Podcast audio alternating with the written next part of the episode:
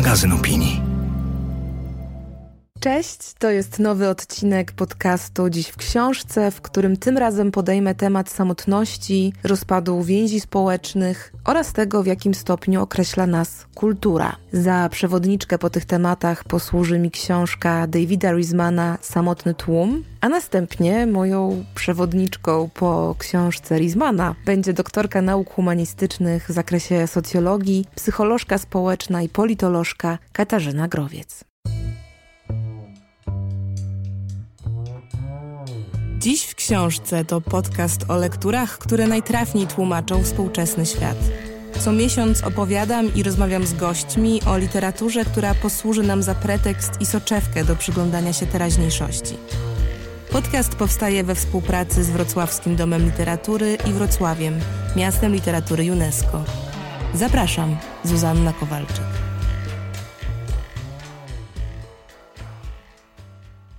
O tym, że poluzowują się nasze więzi społeczne, że coraz więcej ludzi czuje się wyobcowanych i samotnych, że coraz więcej ludzi też nie wie, czego właściwie chce i dokąd zmierza, oraz że stajemy zbiorowo wobec jakiegoś takiego przeogromnego problemu zatracenia, rozbicia, poczucia niepewności. No o tym wszystkim napisano i powiedziano, zwłaszcza w ostatnich latach, mam wrażenie naprawdę wiele, ale mam poczucie, że niewiele napisano i powiedziano o tym, z czego dokładnie się to wszystko bierze, co być może możemy z tym wszystkim zrobić. I jasne, że jedną z odpowiedzi, którą zresztą sama puentuje chyba każdy swój esej w piśmie, jest przyjrzeć się krytycznie systemowi, w którym żyjemy i który też wymusza na nas takie, a nie inne ścieżki postępowania. Oprócz tego zdać sobie sprawę, że w tym systemie jesteśmy w pierwszej kolejności konsumentami, a nie ludźmi. I to niesie za sobą niebagatelne konsekwencje, a następnie zadać sobie pytanie, co to w ogóle znaczy w takim razie być człowiekiem człowiekiem i jak tą swoją ludzką stronę możemy ocalić i pielęgnować wraz ze swoim zdrowiem psychicznym. To jest ten kierunek, który przebija z wielu refleksji i diagnoz świata późnego kapitalizmu. Ale no właśnie, jak się znaleźliśmy w tym punkcie? Czy możliwe jest to odzyskanie siebie, które brzmi tak szumnie, może trochę pretensjonalnie, ale jednak okazuje się jakoś w tym wszystkim sednem i taką kluczową odpowiedzią na ten dominujący problem samotności, jakiegoś takiego zatracania swojej tożsamości. I też świadomość tego, w jakim stopniu podlegamy różnym zbiorowym procesom. No to są takie wątki, które mi się wydają szczególnie istotne i które chciałabym rozwinąć w tym odcinku. I uważam, że doskonale i bardzo twórczo, a skoro twórczo, to oczywiście zaskutkowało to wieloma również krytycznymi głosami. Wątki te podejmuje i rozwija w swojej książce sprzed ponad 70 lat David Riesman. Nie twierdzę, że ta książka, a mam na myśli książkę zatytułowaną Samotny tłum, że ta książka w żadnym stopniu się nie zdezaktualizowała, albo że po czasie możemy ją uznać za jakąś bezwzględnie trafną. Bo nie, bardziej mi chyba chodzi o jakiś taki kierunek namysłu, który Riesman proponuje w tej książce. I chyba też o rozmach tego namysłu, czyli sposób, w jaki Riesman łączy w niej bardzo różne dziedziny, bardzo różne perspektywy w próbie właśnie opowiedzenia sobie kondycji człowieka w kapitalizmie. Bo nawet jeśli nie we wszystkim możemy się dziś z Riesmanem zgodzić, to jednak to, do jakiej refleksji Riesman nas zaprasza, wydaje mi się jakoś cenne aktualne i potrzebne. David Riesman był amerykańskim socjologiem, prawnikiem, prawo ukończył na Harvardzie i nauczycielem, uczył choćby na Buffalo Law School. Przede wszystkim uważa się go za takiego koronnego przedstawiciela psychokulturalizmu, czyli teorii, która mówi o tym, w jaki sposób wzajemnie wpływają na siebie procesy kulturowe i czynniki psychologiczne. Jest to taki nurt, który postrzega człowieka jako jednostkę, która nie tylko współtworzy i kształtuje kulturę, ale która też jest w tę kulturę uwikłana i na którą ta kultura ma niebagatelny wpływ. I właśnie ta tendencja, ta skłonność do prowadzenia analizy z zakresu psychologii społecznej przez pryzmat kultury, doprowadziła Riesmana do powstania jego najbardziej znanej pracy, czyli Samotnego Tłumu, którego pierwotna wersja z 1950 roku to jest wersja stworzona w oparciu o badania, które Riesman prowadził wraz z Nathanem Glazerem i Rolem Deneyem. I jest to przede wszystkim analiza kondycji społecznej, ale takiej kondycji społecznej, która oprócz tego, że stara się jakoś określić wspólnotę, to stara się w tej wspólnocie przede wszystkim dostrzec jednostkę, jednostkę, która staje właśnie wobec jakiegoś takiego rozpadu wspólnoty i która próbuje jakoś na nowo siebie stworzyć. I oczywiście te refleksje są sprzed wielu lat, więc bardzo zasadnie pojawia się tu pytanie, czy dzisiaj nadal ten człowiek stwarza się w analogiczny sposób, ale myślę, że gdy dowiecie się trochę więcej o tym, w jaki sposób Riesman diagnozował tego człowieka u schyłku lat 40. XX wieku, to dostrzeżecie, jak wiele niepokojąco bliskich podobieństw można dostrzec względem człowieka w latach dwudziestych XXI wieku. Byłoby rzeczą wielce dziwną, gdyby zmiany podstawowych warunków reprodukcji, warunków życia i szans przeżycia, a zatem podaży i popytu na istoty ludzkie, ze wszystkim co z tego wynika, w odniesieniu do rozmieszczenia przestrzennego ludzi, wymiany handlowej, roli dzieci, społecznego samopoczucia, żywotności lub starzenia się i wielu innych niełatwych do określenia wymiarów, pozostawały bez wpływu na społeczny charakter. Wysuwam tezę, że każdej z trzech kolejnych faz krzywej demograficznej odpowiada typ społeczeństwa, który wdraża podstawowe zasady przystosowania i kształtuje społeczny charakter w sobie tylko właściwy sposób. David Risman, Samotny tłum w przekładzie Jana Strzeleckiego. Riesman przygląda się przede wszystkim amerykańskiej klasie średniej po II wojnie światowej właśnie na jej przykładzie pokazuje pewne istotne przejście, które zaobserwował w zakresie wartości konstrukcji psychicznej ludzi, na którą to konstrukcję wpływają okoliczności zewnętrzne, z naciskiem chyba przede wszystkim na stosunek do konsumpcji. I Riesman te zachodzące zmiany społeczne określa mianem przejścia od wewnątrz sterowności do zewnątrz sterowności. Te dwa pojęcia to są właściwie kluczowe pojęcia dla myśli Ruizmana, ponieważ jego główny koncept opiera się na założeniu, że wraz z przechodzeniem przez kolejne fazy rozwoju demograficznego, społeczeństwa zmieniają się również w zakresie tak zwanego społecznego charakteru. A jako społeczny charakter Rizman rozumiał wspólną cechę jednostek przynależnych do znaczących grup społecznych, tak to zdefiniował. I tak oto zdaniem Rizmana społeczeństwa przechodzą drogę od bycia sterowanymi przez tradycje. To jest taki najbardziej pierwotny model społeczny, w którym jednostka nie rozwija zanadto swojego indywidualizmu, ponieważ jest bardzo ściśle wpisana we wspólnotę. I ta wspólnota określa jej rolę, jej cele, jej pozycję, więc jednostka na poziomie tożsamości jest przede wszystkim częścią grupy i to ta grupa wraz z taką kultywowaną w jej obrębie tradycją, z obowiązującym w jej obrębie zespołem wartości, tę jednostkę określa. Następnie Riesman wskazał na przejście do wewnątrz sterowności, czyli takiego modelu, który najsilniej ukształtowała era przemysłowa, kiedy to właśnie każdy miał się raczej stać kowalem własnego losu. Miał sam sobie wypracować swoją lepszą przyszłość. Oczywiście ten model bardzo silnie podtrzymywał taki kult ciężkiej pracy, jako że praca nie tylko miała być, ale w pewnym sensie często też była narzędziem awansu społecznego, więc bardziej niż przez pryzmat wspólnoty człowiek wewnątrzsterowny określa siebie w oparciu o własne ambicje, o własne marzenia, o własne cele, ponieważ bardzo silnie czuje się sprawczy i w pewnym sensie też uwewnętrznia jakiś zespół wartości, którymi się kieruje w życiu, ale w taki sposób, że raczej sam staje się swoim własnym kompasem moralnym. Według Griezmana pierwsze społeczeństwa wewnątrzsterowne zaczęły powstawać już w renesansie, ale taką pełnię osiągnęły właśnie w XIX wieku wraz z industrializacją i ówczesnymi zmianami społecznymi, jakie zachodziły przede wszystkim na Zachodzie. No i w czasie, gdy Riesman podejmował ten temat, czyli właśnie w latach 40. XX wieku, jego zdaniem zaczął się wraz z takim szczególnie silnym rozwojem kapitalizmu wytwarzać w Stanach nowy model społeczny, czyli tak zwana zewnątrzsterowność. I ta zewnątrzsterowność opiera się, zdaniem Riesmana, na tym, że człowiek skupia się przede wszystkim na konsumpcji i w tym wszechobecnym dobrobycie traci w jakimś sensie poczucie tego, że właśnie jest sam sobie sterem żeglarzem, że ma wpływ na jakieś koleje swojego życia. Raczej zyskuje przeświadczenie, że o jego wartości decyduje przede wszystkim uznanie przez grupę, a zatem warunkiem jego przetrwania, takim jego głównym celem i dążeniem staje się ta zewnętrzna akceptacja. Zdaniem Rizmana taki człowiek w ogóle traci poczucie takiej swojej tożsamości i odrębności.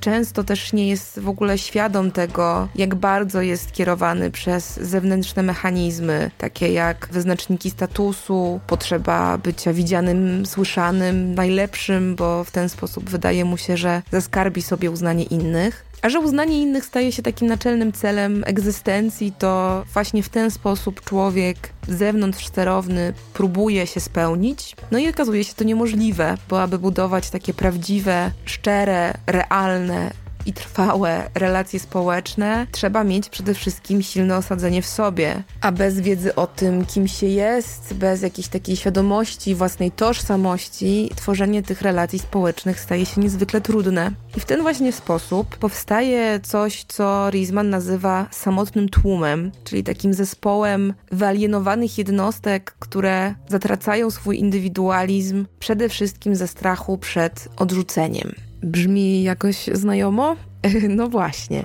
Tłumacz i autor do polskiego wydania Samotnego Tłumu, Jan Strzelecki, opisuje to przejście od wewnątrz sterowności do zewnątrz sterowności tak. Amerykanin z klas średnich przestał być zapamiętałym wyznawcą szorstkiego indywidualizmu, cechującego wielkich przemysłowców w wieku XIX, zmniejszył znacznie swe zaufanie do obietnic American Dream, gwarantujących mu w zamian za pracę i oszczędność niewątpliwy udział w bogactwie i władzy. Z samodzielnego przedsiębiorcy przekształcił się on w biało-kołnierzykowego pracownika wielkich firm przemysłowych czy handlowych i stał się początkującym kandydatem na obywatela cywilizacji obfitości, zaprawiającym się w sztuce radosnej własnej konsumpcji przedmiotów, wrażeń i czasu. I dalej pisze jeszcze tak, że przemiany te oznaczają przejście od etyki protestanckiej do etyki społecznej, od początków industrializmu do początków doby postindustrialnej, od cywilizacji braku do cywilizacji nadmiaru.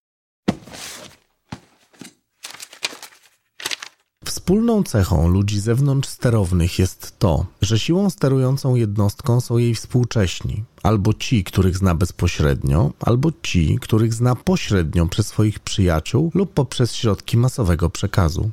Jest ona oczywiście uwewnętrzniona w tym sensie, że zdanie się na jej przewodnictwo w życiu wpojone jest we wczesnych latach.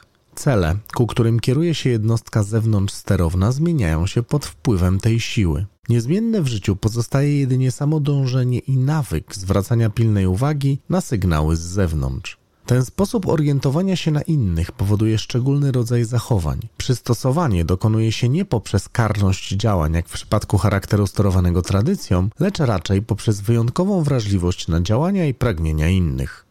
David Risman, Samotny tłum w przekładzie Jana Strzeleckiego. Takimi głównymi czynnikami w tych różnych typach charakteru społecznego, zdaniem Riesmana, jest między innymi nasz e, stosunek do pracy, ale jest też nasz stosunek do zabawy, co ciekawe. Wskazuje tutaj również na duże znaczenie roli autorytetów, stosunku do rodziców, rolę, jaką odgrywa dla nas grupa rówieśnicza. Wskazuje też na to, na czym opieramy nasze sądy moralne, czy jest to właśnie jakiś bezpośredni wpływ wspólnoty, czy też własny kompas moralny, własna ocena, czy jeszcze bardziej demagogia albo media i pośrednicy informacji. No, y, pamiętajmy przy tym, że Rizman pisał tę swoją książkę ponad 70 lat temu, więc właściwie z jednej strony nie mógł przewidzieć tego, jak na przykład właśnie pozycja pośrednika informacji stanie się w przyszłości istotna, ale zdaje się, że z drugiej strony już u początków tego największego boomu kapitalizmu dostrzegał te niebezpieczne zjawiska i trendy, które zaczęły się pojawiać i które no właśnie jakoś bardzo trafnie opisują nasze życie obecnie, ponieważ jeśli czytać tego Rizmana z dzisiejszej perspektywy, to ta jego refleksja nad samotnością w tłumie, nad poluzowaniem się więzi społecznych, nad rozpadem wspólnoty, nad zwiększającym się też ryzykiem ulegania populizmowi, bo cały jeden rozdział jego książki to jest rozdział o polityce, o tym jak w różnych typach społeczeństw wygląda polityka i jak można to uznanie społeczne sobie zaskarbiać. Rizman wskazuje też na to, jak istotna jest ta utrata swojej tożsamości, ten dylemat tego, kim jestem, co chcę w życiu robić, refleksja też nad pogonią za akceptacją i uznaniem innych, problem manipulacji w pośredniczeniu, w przekazywaniu informacji, czyli to, co dzisiaj nas dotyka w postaci fake newsów, ale też algorytmów mediów społecznościowych, które przede wszystkim zarządzają emocjami. No to wszystko są problemy jednak ściśle współczesnego świata i co ciekawe, Rizman dostrzegał je już 70 lat temu. One były wówczas w dużo mniej zaawansowanej formie oczywiście, ale jednak. I właśnie z tej perspektywy dla mnie lektura samotnego tłumu jest jakoś szczególnie mocna. Gdyby ludzie zewnątrz sterowni zdołali odkryć, jak głęboko pogrążeni są w próżnych wysiłkach bycia takimi jak inni, odkryć, że ich własne myśli, ich własne życie jest co najmniej tak ciekawe jak życie innych, odkryć, że próby ulżenia samotności przez ucieczkę w tłum rówieśników są podobne próbom zaspokojenia pragnienia morską wodą, moglibyśmy wówczas oczekiwać, że więcej uwagi poświęcą swoim własnym uczuciom i dążeniom. Czy można jednak wyobrazić sobie, że pewnego dnia uprzywilejowani mieszkańcy tego kraju ockną się i powiedzą sobie, że są nadmiernie przystosowani? Odkryją, że ich rozliczne rytuały bynajmniej nie są nieodzowne i konieczne, lecz ukształtowane zostały pod wpływem pewnego obrazu społeczeństwa, który choć fałszywy, zapewnia wierzącym pewne poboczne dochody, Ponieważ struktura charakteru jest jeszcze bardziej oporna niż struktura społeczna, przebudzenie takie jest mało prawdopodobne. Wiemy, że wielu przed nami oglądało złudne jutrzenki swobody, gdy ich współcześni uparcie zamykali oczy na istnienie możliwego w zasadzie wyboru. David Risman, Samotny tłum w przekładzie Jana Strzeleckiego. W oczywisty sposób pojawia się tutaj pytanie o to, co dalej. No bo Rizman opisywał klasę średnią w latach 40.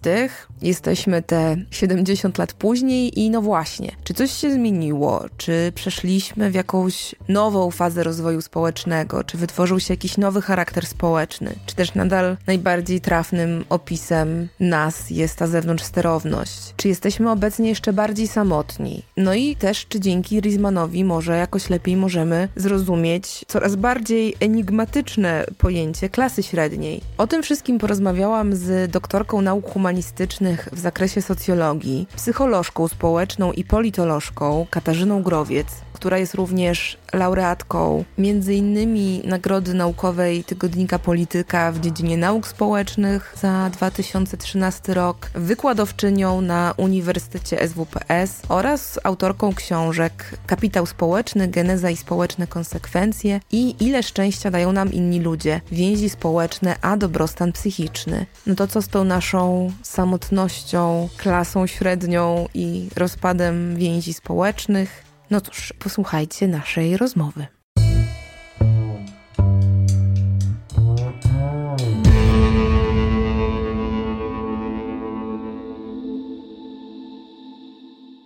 Pomyślałam, że zaczniemy od tego, żeby jakoś w ogóle nakreślić znaczenie tej książki i jej taką rolę nie tylko w naukach społecznych, ale też w psychologii, w ogóle co ta książka zrobiła i dlaczego nadal się ją czyta po tylu latach, bo jest to jednak w takich właśnie naukach społecznych też dość nie chcę powiedzieć rzadkie, bo oczywiście wracamy do takich starszych lektur, ale jednak te zmiany społeczne tak szybko postępują, że często czytamy te starsze lektury w takiej perspektywie historycznej. A Rizmana, pomimo tego upływu lat, mam wrażenie, że nadal czytamy jako bardzo aktualną diagnozę kondycji współczesnego człowieka i jest to jakaś niewątpliwa siła i wartość tej książki. Więc chciałam w ogóle zacząć od tego, żeby panią zapytać, czy w ogóle pani się zgadza z takim spojrzeniem na rolę i rangę tej książki? Czy zgadza się pani właśnie z tym twierdzeniem, że ta książka Samotny Tłum jest jedną, jak niektórzy twierdzą, jedną z najważniejszych książek dwudziestowiecznej socjologii. Prawda to czy nie? Na pewno jest to książka bardzo o, szczególna.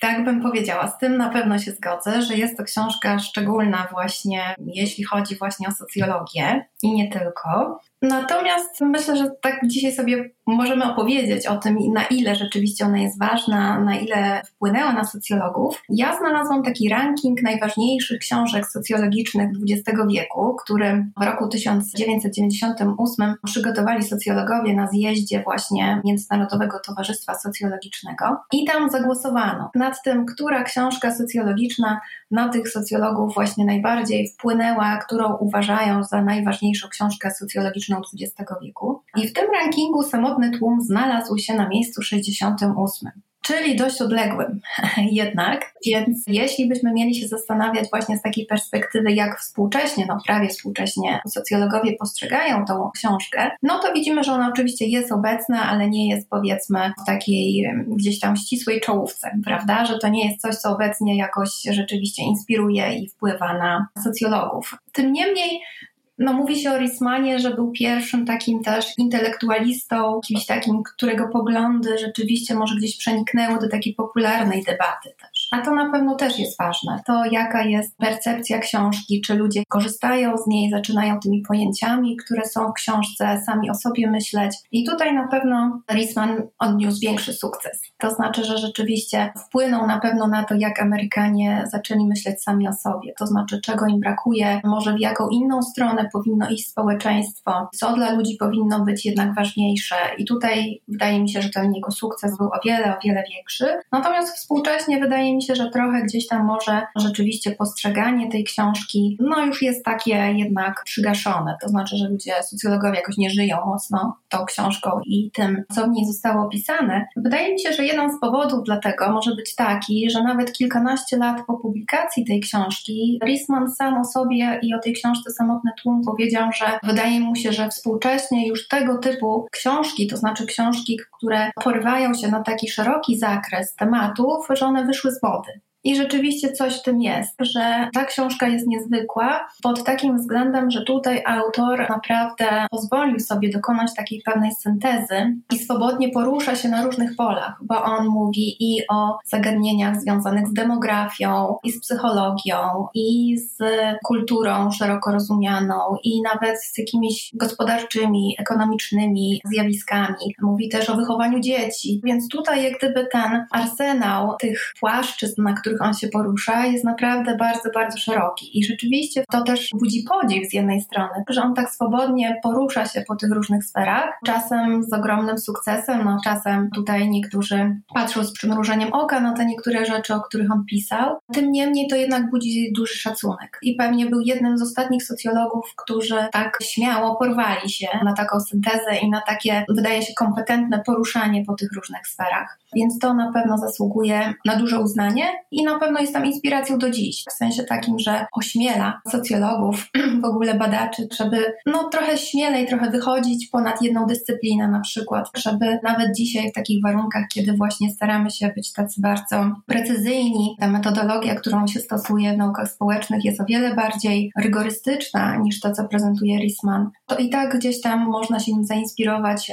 do takiej większej odwagi, śmiałości ku temu na przykład, żeby być bardziej interdyscyplinarny. Można by było powiedzieć, że ta książka jest naprawdę, naprawdę wyjątkowo interdyscyplinarna i tutaj autor się zupełnie nie boi dotykać różnych problemów, różnych spraw i je łączyć ze sobą. Myślę, że to też jest pod tym względem, no wpływa właśnie na taką przystępność tej książki też dla takiego zwykłego czytelnika, który właśnie gdyby miał wejść w bardzo szczegółową metodologię badań socjologicznych, to prawdopodobnie odpadłby dość prędko, a jednak przez tą właśnie taką metaperspektywę, którą Rizman proponuje i uprawia, rzeczywiście można no jakoś siebie umiejscowić w tej książce i to mi się wydaje bardzo cenne i też ciekawe i takie zasługujące na uznanie. Ale właśnie, bo wspomina Pani o tym, że przede wszystkim to społeczeństwo amerykańskie jakoś się dzięki tej książce odnalazło, więc chciałam to trochę przyszpilić, ponieważ rzeczywiście Rizman opisywał powojenne społeczeństwo amerykańskie. Swoją tą pracę pisał w latach 40. XX wieku, no więc mnóstwo czasu minęło. No i właśnie robił to w oparciu o te przejścia pomiędzy typami społeczeństw, które wiązał z kolejnymi fazami rozwoju demograficznego.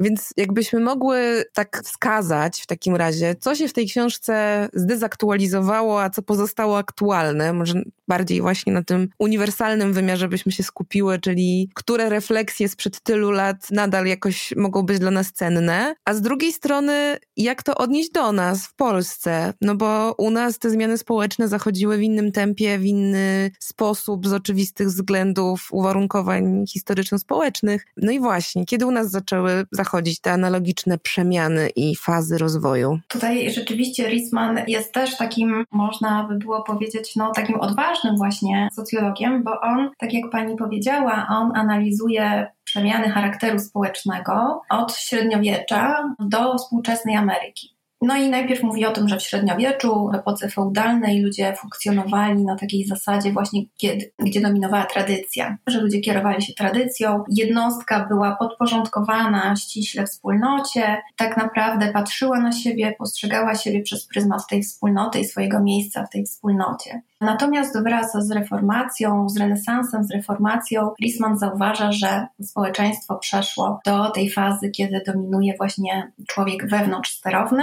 Moglibyśmy tutaj przywołać może bardziej znaną kategorię taki sposób myślenia właśnie o funkcjonowaniu ludzi, który Max Weber opisał w swojej książce Etyka protestancka, duch kapitalizmu. Zresztą Risman też się do tego odwołuje, że ten człowiek wewnątrz sterowny przypomina właśnie, gdzieś tam jest spójny z tym, co Weber pisał na temat właśnie, powiedzmy, tego charakteru społecznego, czerpiąc pojęcie od Rismana, tego jacy są ludzie. To znaczy, że mają zinternalizowane pewne normy już, oni mają to w sobie, że mają ciężko pracować, że ciężka praca i efekty w postaci ewentualnego bogactwa to jest pewien znak bycia wybranym przez Boga, tego, że żyjemy dobrze, że konsumpcja jest umiarkowana, że tutaj są pewne ścisłe normy narzucone na to, jak ona ma wyglądać. Ten człowiek wewnątrzsterowny ma też, byśmy mogli powiedzieć, taki silny kręgosłup moralny. W polityce też jak gdyby tutaj stosuje tą kategorię moralności do polityki, to znaczy no tutaj ma jasne przekonania i jak gdyby w tej sferze politycznej też się orientuje, bazując pewnie właśnie na tych swoich wartościach. Natomiast to, na co tutaj jak gdyby Risman wydaje mi się kładzie największy nacisk, to jest to przejście do tej współczesności, kiedy pojawia się stopniowo też, pojawia się ten nowy typ charakteru społecznego, który polega na tym, że człowiek jest z zewnątrz sterowny. I z jednej strony moglibyśmy powiedzieć, że to jest po prostu coś charakterystycznego dla społeczeństwa które się wzbogaciło, które już jak gdyby nie jest na tym etapie, że podstawowe potrzeby materialne muszą być zaspokojone, ale to jest jak gdyby taka zasada funkcjonowania pokoleń, które już żyją we względnym dobrobycie, czyli właśnie nastawienie bardziej na konsumpcję, powiedzmy na czas wolny, a nie pracę, że bardziej zaczyna się cenić, mówiąc współczesnym językiem, bardziej zaczynamy cenić czas wolny, bardziej konsumujemy, ta konsumpcja jest, można powiedzieć, no taką konsumpcją na pokaz właśnie z Weblena, ale jednocześnie rozluźniają się pewne normy moralne, ta socjalizacja tak mocno nie działa, ludzie czują się trochę niepewnie, no i jak gdyby też no, skłaniają się w takim razie, szukają jakiegoś drogowskazu życiowego wśród innych ludzi, czyli patrzą na to, jak inni żyją, jaki mają styl życia. Przede wszystkim też chcą być akceptowani przez innych. I już nie, jak gdyby standard nie jest taki oczywisty, tylko to zależy od tego, czy jestem popularny, czy jestem lubiany, czy ludzie, nie czy ludzie mnie szanują właśnie, jak to było przy tym charakterze społecznym wewnątrzsterownym, ale właśnie czy jestem lubiany. I tutaj Risman właśnie widział pewne niebezpieczeństwa. No tutaj jak gdyby nawoływał, też tak pedagogicznie byśmy mogli powiedzieć. Też jest taki rys pedagogiczny w tej książce, w pewnym sensie taki ocenny właśnie, czego też wydaje mi się teraz już się nie robi raczej. On nawołuje do tego właśnie, żeby gdzieś tam próbować wrócić, czy zmienić, gdzieś tam przeorientować tą zewnątrz sterowność jednak na większy nacisk na autonomię, że jednak ludzie powinni być bardziej autonomiczni, współcześni mu Amerykanie powinni być bardziej jednak autonomiczni, gdzieś tam w sobie mieć te standardy standardy, a nie szukać ich w tłumie właśnie, czy szukać ich w grupie. I on nawołuje do tego, nawołuje też do większej samoświadomości, co oczywiście jest bardzo cenne. Zresztą też tutaj jak gdyby jego konkluzja przy analizie tego typu zewnątrzsterownego jest taka, że potrzeba większej samoświadomości, więcej autonomii, wolności, że człowiek, który funkcjonuje właśnie na takiej zasadzie tego typu zewnątrzsterownego jest bardzo taki jednak uwikłany, no i ciągle taki niepewny. Ciągle musi potwierdzać ten swój status,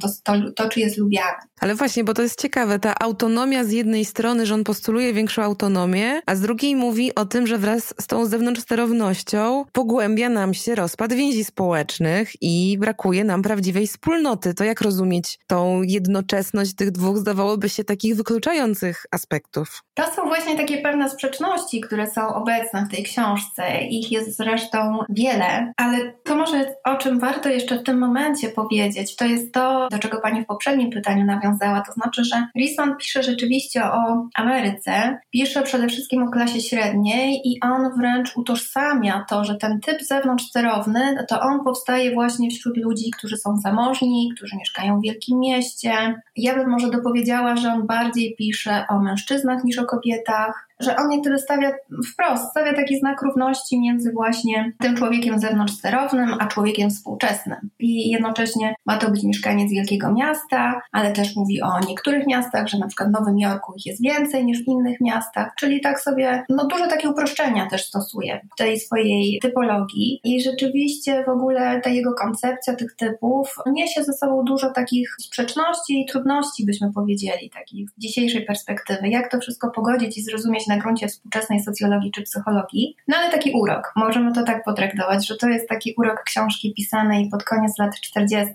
która dalej jest inspirująca, ale są w niej pewne właśnie takie wewnętrzne sprzeczności, które nam dzisiaj mogą trochę przeszkadzać, no tym niemniej jakoś musimy sobie z nimi poradzić. I jedna z tych sprzeczności, o której Pani teraz powiedziała, czyli ta dotycząca autonomii, z jednej strony nawoływania do większej autonomii, samoświadomości, a z drugiej strony do tego, że no, ludzie czują się samotni, czy ludzie czują, że relacje społeczne się rozluźniają, że nie ma takich silnych może tych relacji społecznych, no to wydaje się, że jest to pewna taka sprzeczność, która generalnie jest wpisana w naturę ludzką. To znaczy, że na przykład jak badacze tacy jak psycholog Shalom Schwartz badają strukturę wartości ludzi, to on doszedł do wniosku, że właśnie po pierwsze jest pewna ta struktura tych wartości, ona się wpisuje w pewne takie, no mówiąc uproszczeniem, takie koło i na przeciwległych biegunach tego koła znajdują się wartości opozycyjne do siebie, to znaczy, że nie da się jednocześnie zaspokajać czy kierować się w swoim zachowaniu wartością, która znajduje się na jednym biegunie i tą, która znajduje się na przeciwnym biegunie. I jedną z takich opozycji jest właśnie z jednej strony dążenie do powiedzmy autonomii czy samokierowania,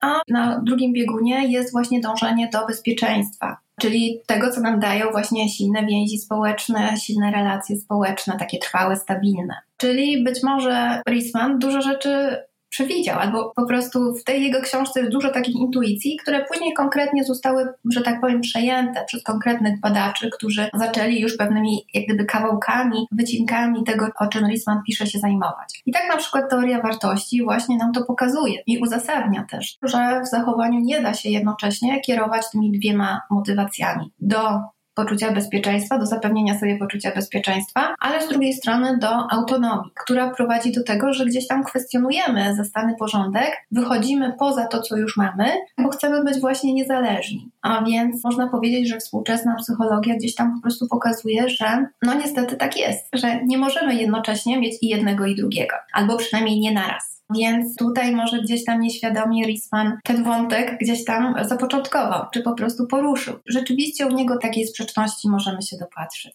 No właśnie, bo ja się zastanawiam nad tym, jak w takim razie interpretować to, do czego Risman nas zachęca, no bo on właśnie w tym swoim rozróżnieniu na wewnątrz i zewnątrz bardzo jasno wskazuje, że gdzieś przyczyną naszych licznych, takich cywilizacyjnych, współczesnych, no oczywiście on mówi o tym z perspektywy lat 40., 50. w Stanach, ale no jest to moment takiego rozkwitu, czy też początki kapitalizmu na sterydach w Stanach, więc możemy sobie tą ramą kapitalistyczną jakoś na te jego diagnozy patrzeć. No i właśnie, że gdzieś ten kapitalizm się mu z tą zewnątrz sterownością łączy. No i teraz zastanawiam się, co my z tej perspektywy tego już późnego kapitalizmu możemy z tego Rizmana wyciągnąć? No bo zdawałoby się, że gdzieś chodzi mu o właśnie odwrócenie tego wektora zmian, czy też powrót z zewnątrz sterowności tym razem do wewnątrz sterowności. Zastanawiam, czy w ogóle taki wektor zmian jest możliwy, skoro on o tych kolejnych fazach demograficznych mówi i tym też uzasadnia te zmiany. A jeśli tak, to w jaki sposób w ogóle możemy tą wewnątrz sterowność tak jakby trenować w tym naszym późnym kapitalizmie? Czy to jest w ogóle możliwe? Ja myślę, że to, do czego nas Risman nawołuje w tej książce, czy Amerykanów do czego nawołuje w tej książce, to jest przede wszystkim ograniczenie konsumpcji i to jest zwiększenie samoświadomości, taki większy nacisk na autonomię właśnie, na zdanie sobie sprawy, kim jesteśmy. I on paradoksalnie daje do tego taką wskazówkę, że według niego to można osiągnąć, tą większą autonomię, można osiągnąć poprzez zabawę poprzez zabawę, bo w zabawie jesteśmy właśnie tacy swobodni. Ćwiczymy się w swobodzie, ćwiczymy naszą wyobraźnię, jesteśmy tacy właśnie nieskrępowani i on tutaj widzi taką ścieżkę. I wydaje mi się, że w pewnym sensie kontrkultura w Stanach Zjednoczonych go zaskoczyła, czyli to, co działo się pod koniec lat 60. w Stanach Zjednoczonych, myślę, że Rismana zaskoczyło. On nie przewidywał, że tak szybko nastąpi jakaś kolejna duża zmiana społeczna w Stanach Zjednoczonych. Przecież on analizował takie okresy jak od średniowiecza do reformacji, że to mamy pierwszą zmianę, przejście od społeczeństwa tradycyjnego do wewnątrz sterowności. Później znowu mamy przecież kilka wieków i mamy dopiero przejście z zewnątrz sterowności do wewnątrz sterowności, więc myślę, że on nie spodziewał się, że w ciągu 10 czy kilkunastu lat nastąpi kolejna ogromna zmiana, w której właśnie poniekąd kontrkultura poszła właśnie za Rismanem, w sensie takim, że to właśnie było wyzbycie się tej konsumpcji, to było właśnie rezygnacja z tego, że ja nie chcę być jakimś takim trybem w pewnej maszynie, na przykład jakiejś korporacji, korporacyjnej, że ja nie chcę, żeby mnie właśnie wszyscy akceptowali i lubili, tylko właśnie nacisk na pewną taką indywidualność, niepowtarzalność, wolność przede wszystkim, ekspresji tego, kim się jest, jakim się jest. Czyli sen Rismana chyba ziścił się szybciej niż on przypuszczał. I jednocześnie no, później jak gdyby pojawiły się kolejne analizy, które pewnie zaprzątały umysły Amerykanów, czyli mam na myśli na przykład książkę Charlesa Reicha Zieleni się Ameryka której on mówi o tym wprost, że typ zewnątrzsterowny i wewnątrzsterowny już należą do przeszłości, że teraz pojawiła się trzecia świadomość, czyli ten nowy człowiek ukształtowany w tej rewolucji, w tej kontrkulturze końca lat 60. Czyli z jednej strony możemy powiedzieć, że spełniło się to marzenie Rismana bardzo szybko, szybciej niż on na pewno przypuszczał. No i powstał, można powiedzieć, znowu jakiś nowy typ człowieka, nowy typ tego społecznego charakteru. Czyli naprawdę te różne przemiany bardzo szybko się dzieją. Jeśli chodzi o to łączenie, które Risman robi, o to połączenie zjawisk demograficznych właśnie z zmianami tego charakteru społecznego, które on widzi, to tutaj też się wydaje, że badacze mają jednak takie chyba największe wątpliwości, jeśli chodzi o to, co Risman zrobił. To znaczy, że współcześnie byśmy już tak tego nie widzieli, że rzeczywiście nie uzasadnialibyśmy czynnikami demograficznymi tego charakteru społecznego. Co to jest ten charakter społeczny, też warto powiedzieć, bo Risman tutaj mówimy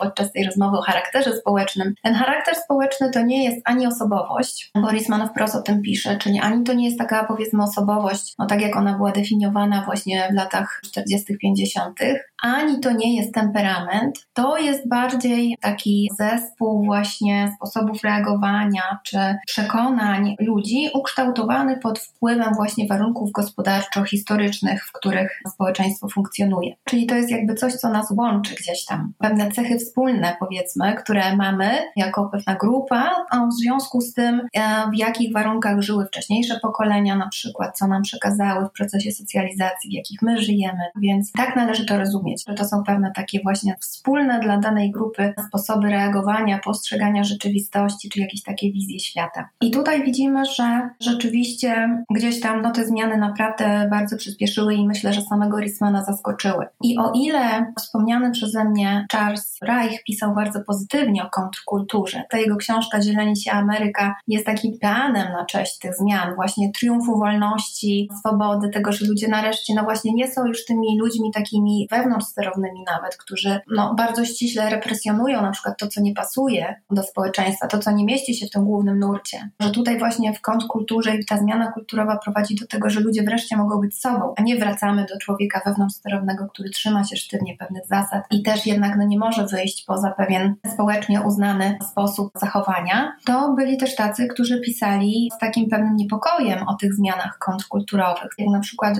Jean Didion, swoich pisarka i intelektualistka. Ona bardziej z takim niepokojem obserwowała kontrkulturę i właśnie jakby dla niej to był taki kolejny etap rozluźniania tych relacji społecznych i więzi społecznych. Kolejny etap jakiegoś kryzysu właśnie co jest może cenne u Ritzmana, to jest właśnie to, że on zauważył, że postęp niekoniecznie jest do końca pozytywny, że może się wiązać z pewnymi negatywnymi aspektami. I to jest może cenne u niego, że właśnie to od niego czerpiemy nawet dzisiaj, że widzimy, że przemiany społeczne, gospodarcze, one mają swoje pozytywne skutki dla nas jako społeczeństwa, ale niosą też ze sobą pewne straty czy pewne zagrożenia. I to na przykład jest coś cennego, co, co od Ritzmana nawet dzisiaj możemy czerpać. No tak, bo przecież możemy jednocześnie jednocześnie, tak mi się przynajmniej wydaje, patrząc wstecz na to, co on opisywał w kontekście społeczeństwa amerykańskiego, no właśnie spróbować jakoś być może przełożyć, czy też zapożyczyć jakieś jego refleksje na ten nasz grunt polski, też z tego właśnie powodu, o którym wspomniałam na początku, że u nas te zmiany zachodziły nieco wolniej albo po prostu w innym nieco trybie i tempie, więc na chwilę bym się chwyciła właśnie tego naszego kontekstu polskiego, bo to jest bardzo ciekawe, spróbować właśnie przyjrzeć się z jednej strony właśnie temu, w jaki jakim punkcie my się w kontekście tych faz rozwoju społecznego znajdujemy? Czy my już też przegoniliśmy tą Gizmanowską typologię, czy jeszcze się mieścimy w jakimś jego zakresie? A z drugiej strony wątek, o którym rozmawiałyśmy chwilę przed naszą rozmową, czyli ten wątek klas społecznych. Nie da się uniknąć tego, że Rizman jednak bardzo jasno wskazuje w swojej książce, że przede wszystkim skupia się na klasie średniej i to właśnie ten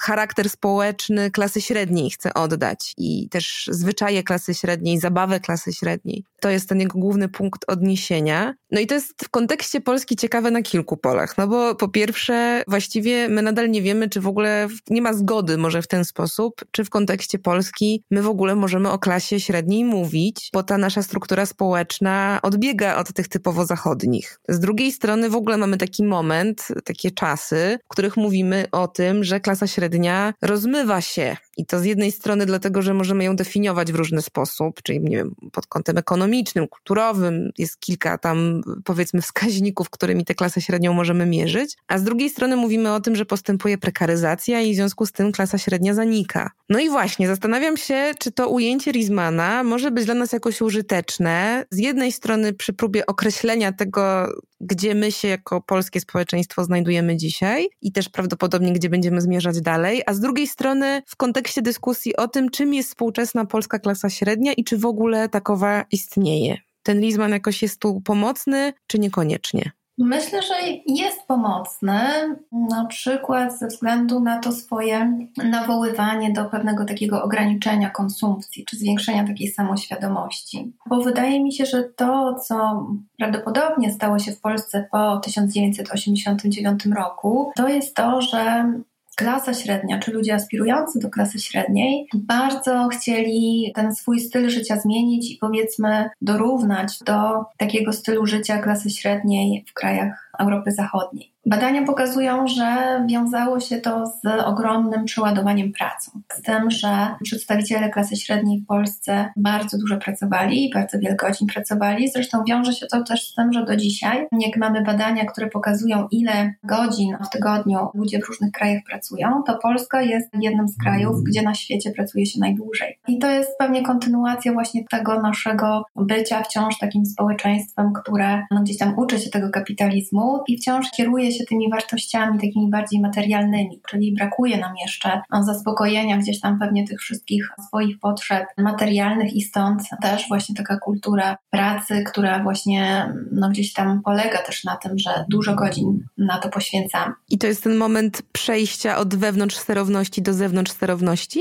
Zastanawiam się, jak w Polsce wyglądał ten etap wewnątrz sterowności, bo tutaj Risman no, jasno pisze, że on to utożsamia z taką silną etyką pracy i z takimi wewnętrznymi standardami bardzo wysokimi, związanymi z pracą. To mi jest trudno powiedzieć, jak u nas ten etap wyglądał, czy on był, czy w jakiej formie on wystąpił. Natomiast wydaje mi się, że ten etap zewnątrz sterowności to myślę, że mogliśmy obserwować, czy dalej obserwujemy, czyli ludzi, którzy z jednej strony są pochłonięci tą pracą, ale też tą taką konsumpcją, która no, nie ma tutaj pewnych takich ram dla tej konsumpcji. Czy my, że tak powiem, no, ciągle jak gdyby ta konsumpcja jest bez dna. To znaczy, że trudno nam jest rzeczywiście powiedzieć stop. I to, co się zmienia teraz, co by może było właśnie takim przejściem, powiedzmy, od tej zewnątrz sterowności do jakiegoś nowego typu właśnie świadomości, to jest właśnie to, że tą konsumpcję zaczynamy, myślę, świadomie ograniczać ze względu właśnie na środowisko, czy ze względu na to, że właśnie zaczynamy cenić nasz czas wolny, tak, że zaczynamy zadawać sobie pytanie, czy na pewno tego potrzebujemy, czy to rzeczywiście wyraża nas, czyli pojawiają się, myślę, coraz szerzej takie aspekty związane właśnie z autonomią, z wolnością, z tym, że no nie chcemy właśnie być takimi elementami jakiejś, jakiejś maszyny, czy to będzie korporacja, czy to będzie coś innego, ale coś, co nam, że tak powiem, rzeczywiście odbiera jakieś takie wewnętrzne sprawstwo i co sprawia, że no nie czujemy się sobą. To wydaje mi się, że teraz e, coś takiego następuje, szczególnie w tych młodszych pokoleniach, na przykład, które wchodzą na rynek pracy. Z jednej strony to powoduje, że to są trudniejsze pokolenia do współpracy, do tego, żeby włączyć je w funkcjonowanie w organizacjach, ale to pokazuje właśnie, że następuje jakaś taka systemowa zmiana związana z tym właśnie, że to już nie ma być ani jakiś tam sztuczny powrót do wewnątrz sterowności, ani ten typ zewnątrz sterowny, tylko to jest jeszcze coś nowego, tak? Co inny taki zespół przekonań, poglądów, coś jeszcze innego niż Risman pisał. Coś, co jest dostosowane nie właśnie do przemian demograficznych, ale bym powiedziała do przemian ekonomicznych, czy do pewnych takich rewolucji technologicznych, które się dzieją, co powoduje, że zwłaszcza te najmłodsze pokolenia, mm, są takie bardziej właśnie świadome i nastawione właśnie, wydaje mi się, na tą autonomię, ale jednocześnie pewnie też gdzieś tam mniej pewne, tak, ze względu na to, że te relacje społeczne ciągle ulegają pewnemu rozluźnieniu. Społeczeństwo się zmienia, że zmienia się na przykład rodzina, to powoduje, że z jednej strony mamy właśnie dużo tej autonomii, ale tego poczucia bezpieczeństwa pewnie mamy rzeczywiście coraz mniej, tak, ze względu na to, że faktycznie no nie da się realizować jednocześnie tych dwóch wartości.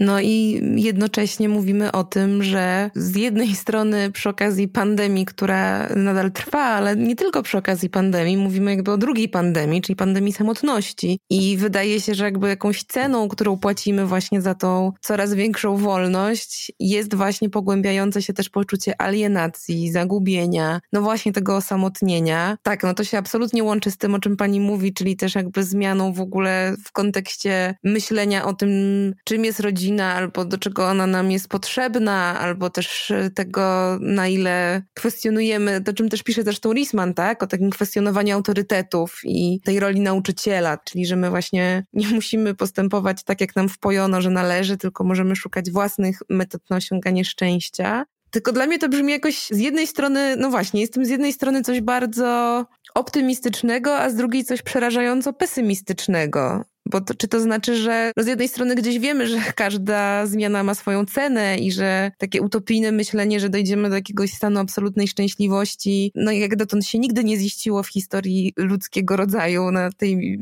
ziemi, ale z drugiej strony zastanawiam się, czy w ogóle możemy jakoś z tą samotnością walczyć, jakoś nad tą samotnością, nie wiem, inaczej się zastanowić, szukać jakiejś odpowiedzi na tę samotność? Ciekawe pytanie, ale w nim myślę pobrzmiewa takie przekonanie, że samotność jest zła, że samotności powinniśmy unikać. Ja myślę, że to nie do końca, po pierwsze, nie do końca tak musi być, bo faktycznie badania pokazują, że na przykład w społeczeństwie francuskim czy szwedzkim prawie 50% gospodarstw domowych to są gospodarstwa jednoosobowe. Czyli moglibyśmy przypuszczać, że gdzieś tam te osoby są takimi osobami rzeczywiście samotnymi czy narażonymi bardziej na samotność. Ale jednocześnie badania też pokazują, że te osoby, one są same, ale nie czują się samotne. Więc wydaje mi się, że gdzieś tam to jest pewne uproszczenie, żeby od razu bić na alarm w związku z tym, że rzeczywiście na przykład mamy tyle osób, które powiedzmy mieszkają same. To wcale nie oznacza, że im jest źle,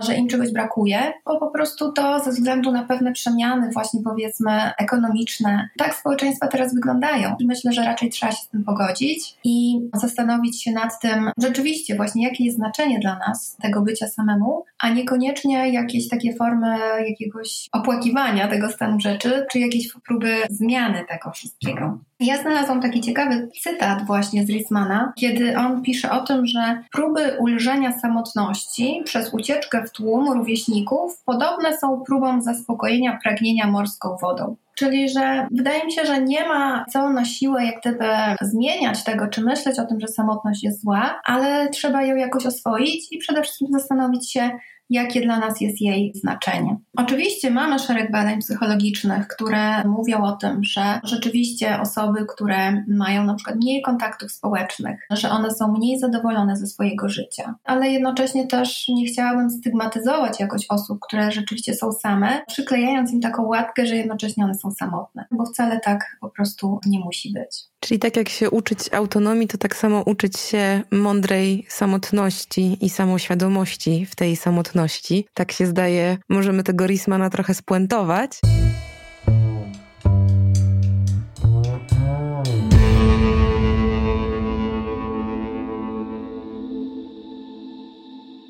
Ja na koniec chciałam zapytać o to, co pytam każdego mojego gościa i gościnie w tym podcaście, czyli czy jest jakaś inna książka w tym temacie, o którym rozmawiałyśmy, którą poleciłaby Pani naszym słuchaczom i słuchaczkom?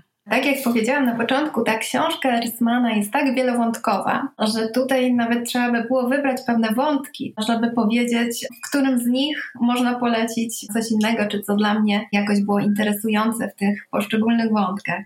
Więc, żeby wybrać, to wydaje mi się, że ten temat klas społecznych mi jest szczególnie bliski i dlatego wybrałabym książkę Pierre'a Bourdieu Dystynkcja społeczna krytyka władzy sądzenia. Wydaje mi się, że to jest dla mnie jedna z najważniejszych książek socjologicznych drugiej połowy XX wieku. Zresztą w tym zestawieniu, o którym mówiłam na początku, czyli w tym rankingu właśnie tych książek, najważniejszych książek socjologicznych, skonstruowanym przez właśnie członków Międzynarodowego Towarzystwa Socjologicznego, ta książka rzeczywiście się znalazła i znalazła się na miejscu szóstym, czyli rzeczywiście gdzieś tam socjologowie tymi tematami, o których pisał, czy tym, jak pisał mm, o pewnych problemach Pierre Bourdieu rzeczywiście żyją i to jest coś takiego, mogłabym powiedzieć, co wciąż inspiruje i, i co można odkrywać na nowo. Więc myślę, że to. Ale gdyby tak pomyśleć o jakichś bardziej współczesnych książkach, które są w temacie również związanym z tym, o czym Risman pisał, to w pewnym sensie myślałabym o książce Harariego dotyczącego właśnie różnego typu rewolucji, które mieliśmy jako gatunek na swojej drodze i tym, jak zmieniał się może nie nasz charakter społeczny, ale jak zmieniało się funkcjonowanie społeczeństwa, jak zmieniało się to, mm, jak ludzie organizowali sobie życie społeczne. Czyli jeśli patrzeć na ten wątek, w którym Risman właśnie stosuje taką historiozofię, czyli mówi nam o tym, jak w dziejach się zmienialiśmy i patrzy na taką bardzo szeroką perspektywę, to z kolei myślę, że można polecić książkę Harariego, w której właśnie on omawia to, jak nasz gatunek się zmieniał od paleolitu do współczesności. I to jest jeszcze gdzieś tam szersza perspektywa, ale on to ściśle właśnie wiąże z pewnymi właśnie tymi rewolucjami, które następowały rewolucjami technicznymi, ekonomicznymi, niekoniecznie z demografią, jak to robił Risman, ale też tutaj jest właśnie takie spojrzenie historyka z kolei na taką bardzo długą tą historię naszego gatunku. Równie interdyscyplinarne też zresztą jak samotny tłum. Świetnie, bardzo dziękuję za rozmowę, bardzo dziękuję za, no mam nadzieję, przynajmniej w moim odczuciu, bardzo ciekawe spojrzenie na ten temat i samotności, i tego też, gdzie jako społeczeństwo i ten współczesny człowiek zmierzamy. Bardzo dziękuję. Dziękuję bardzo.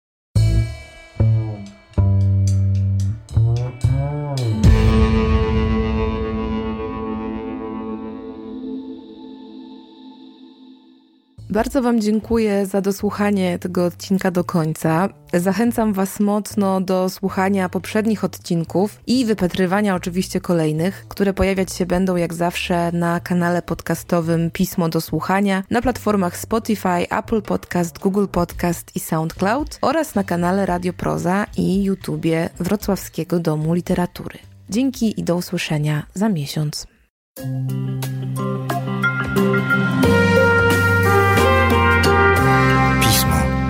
Magazyn opinii.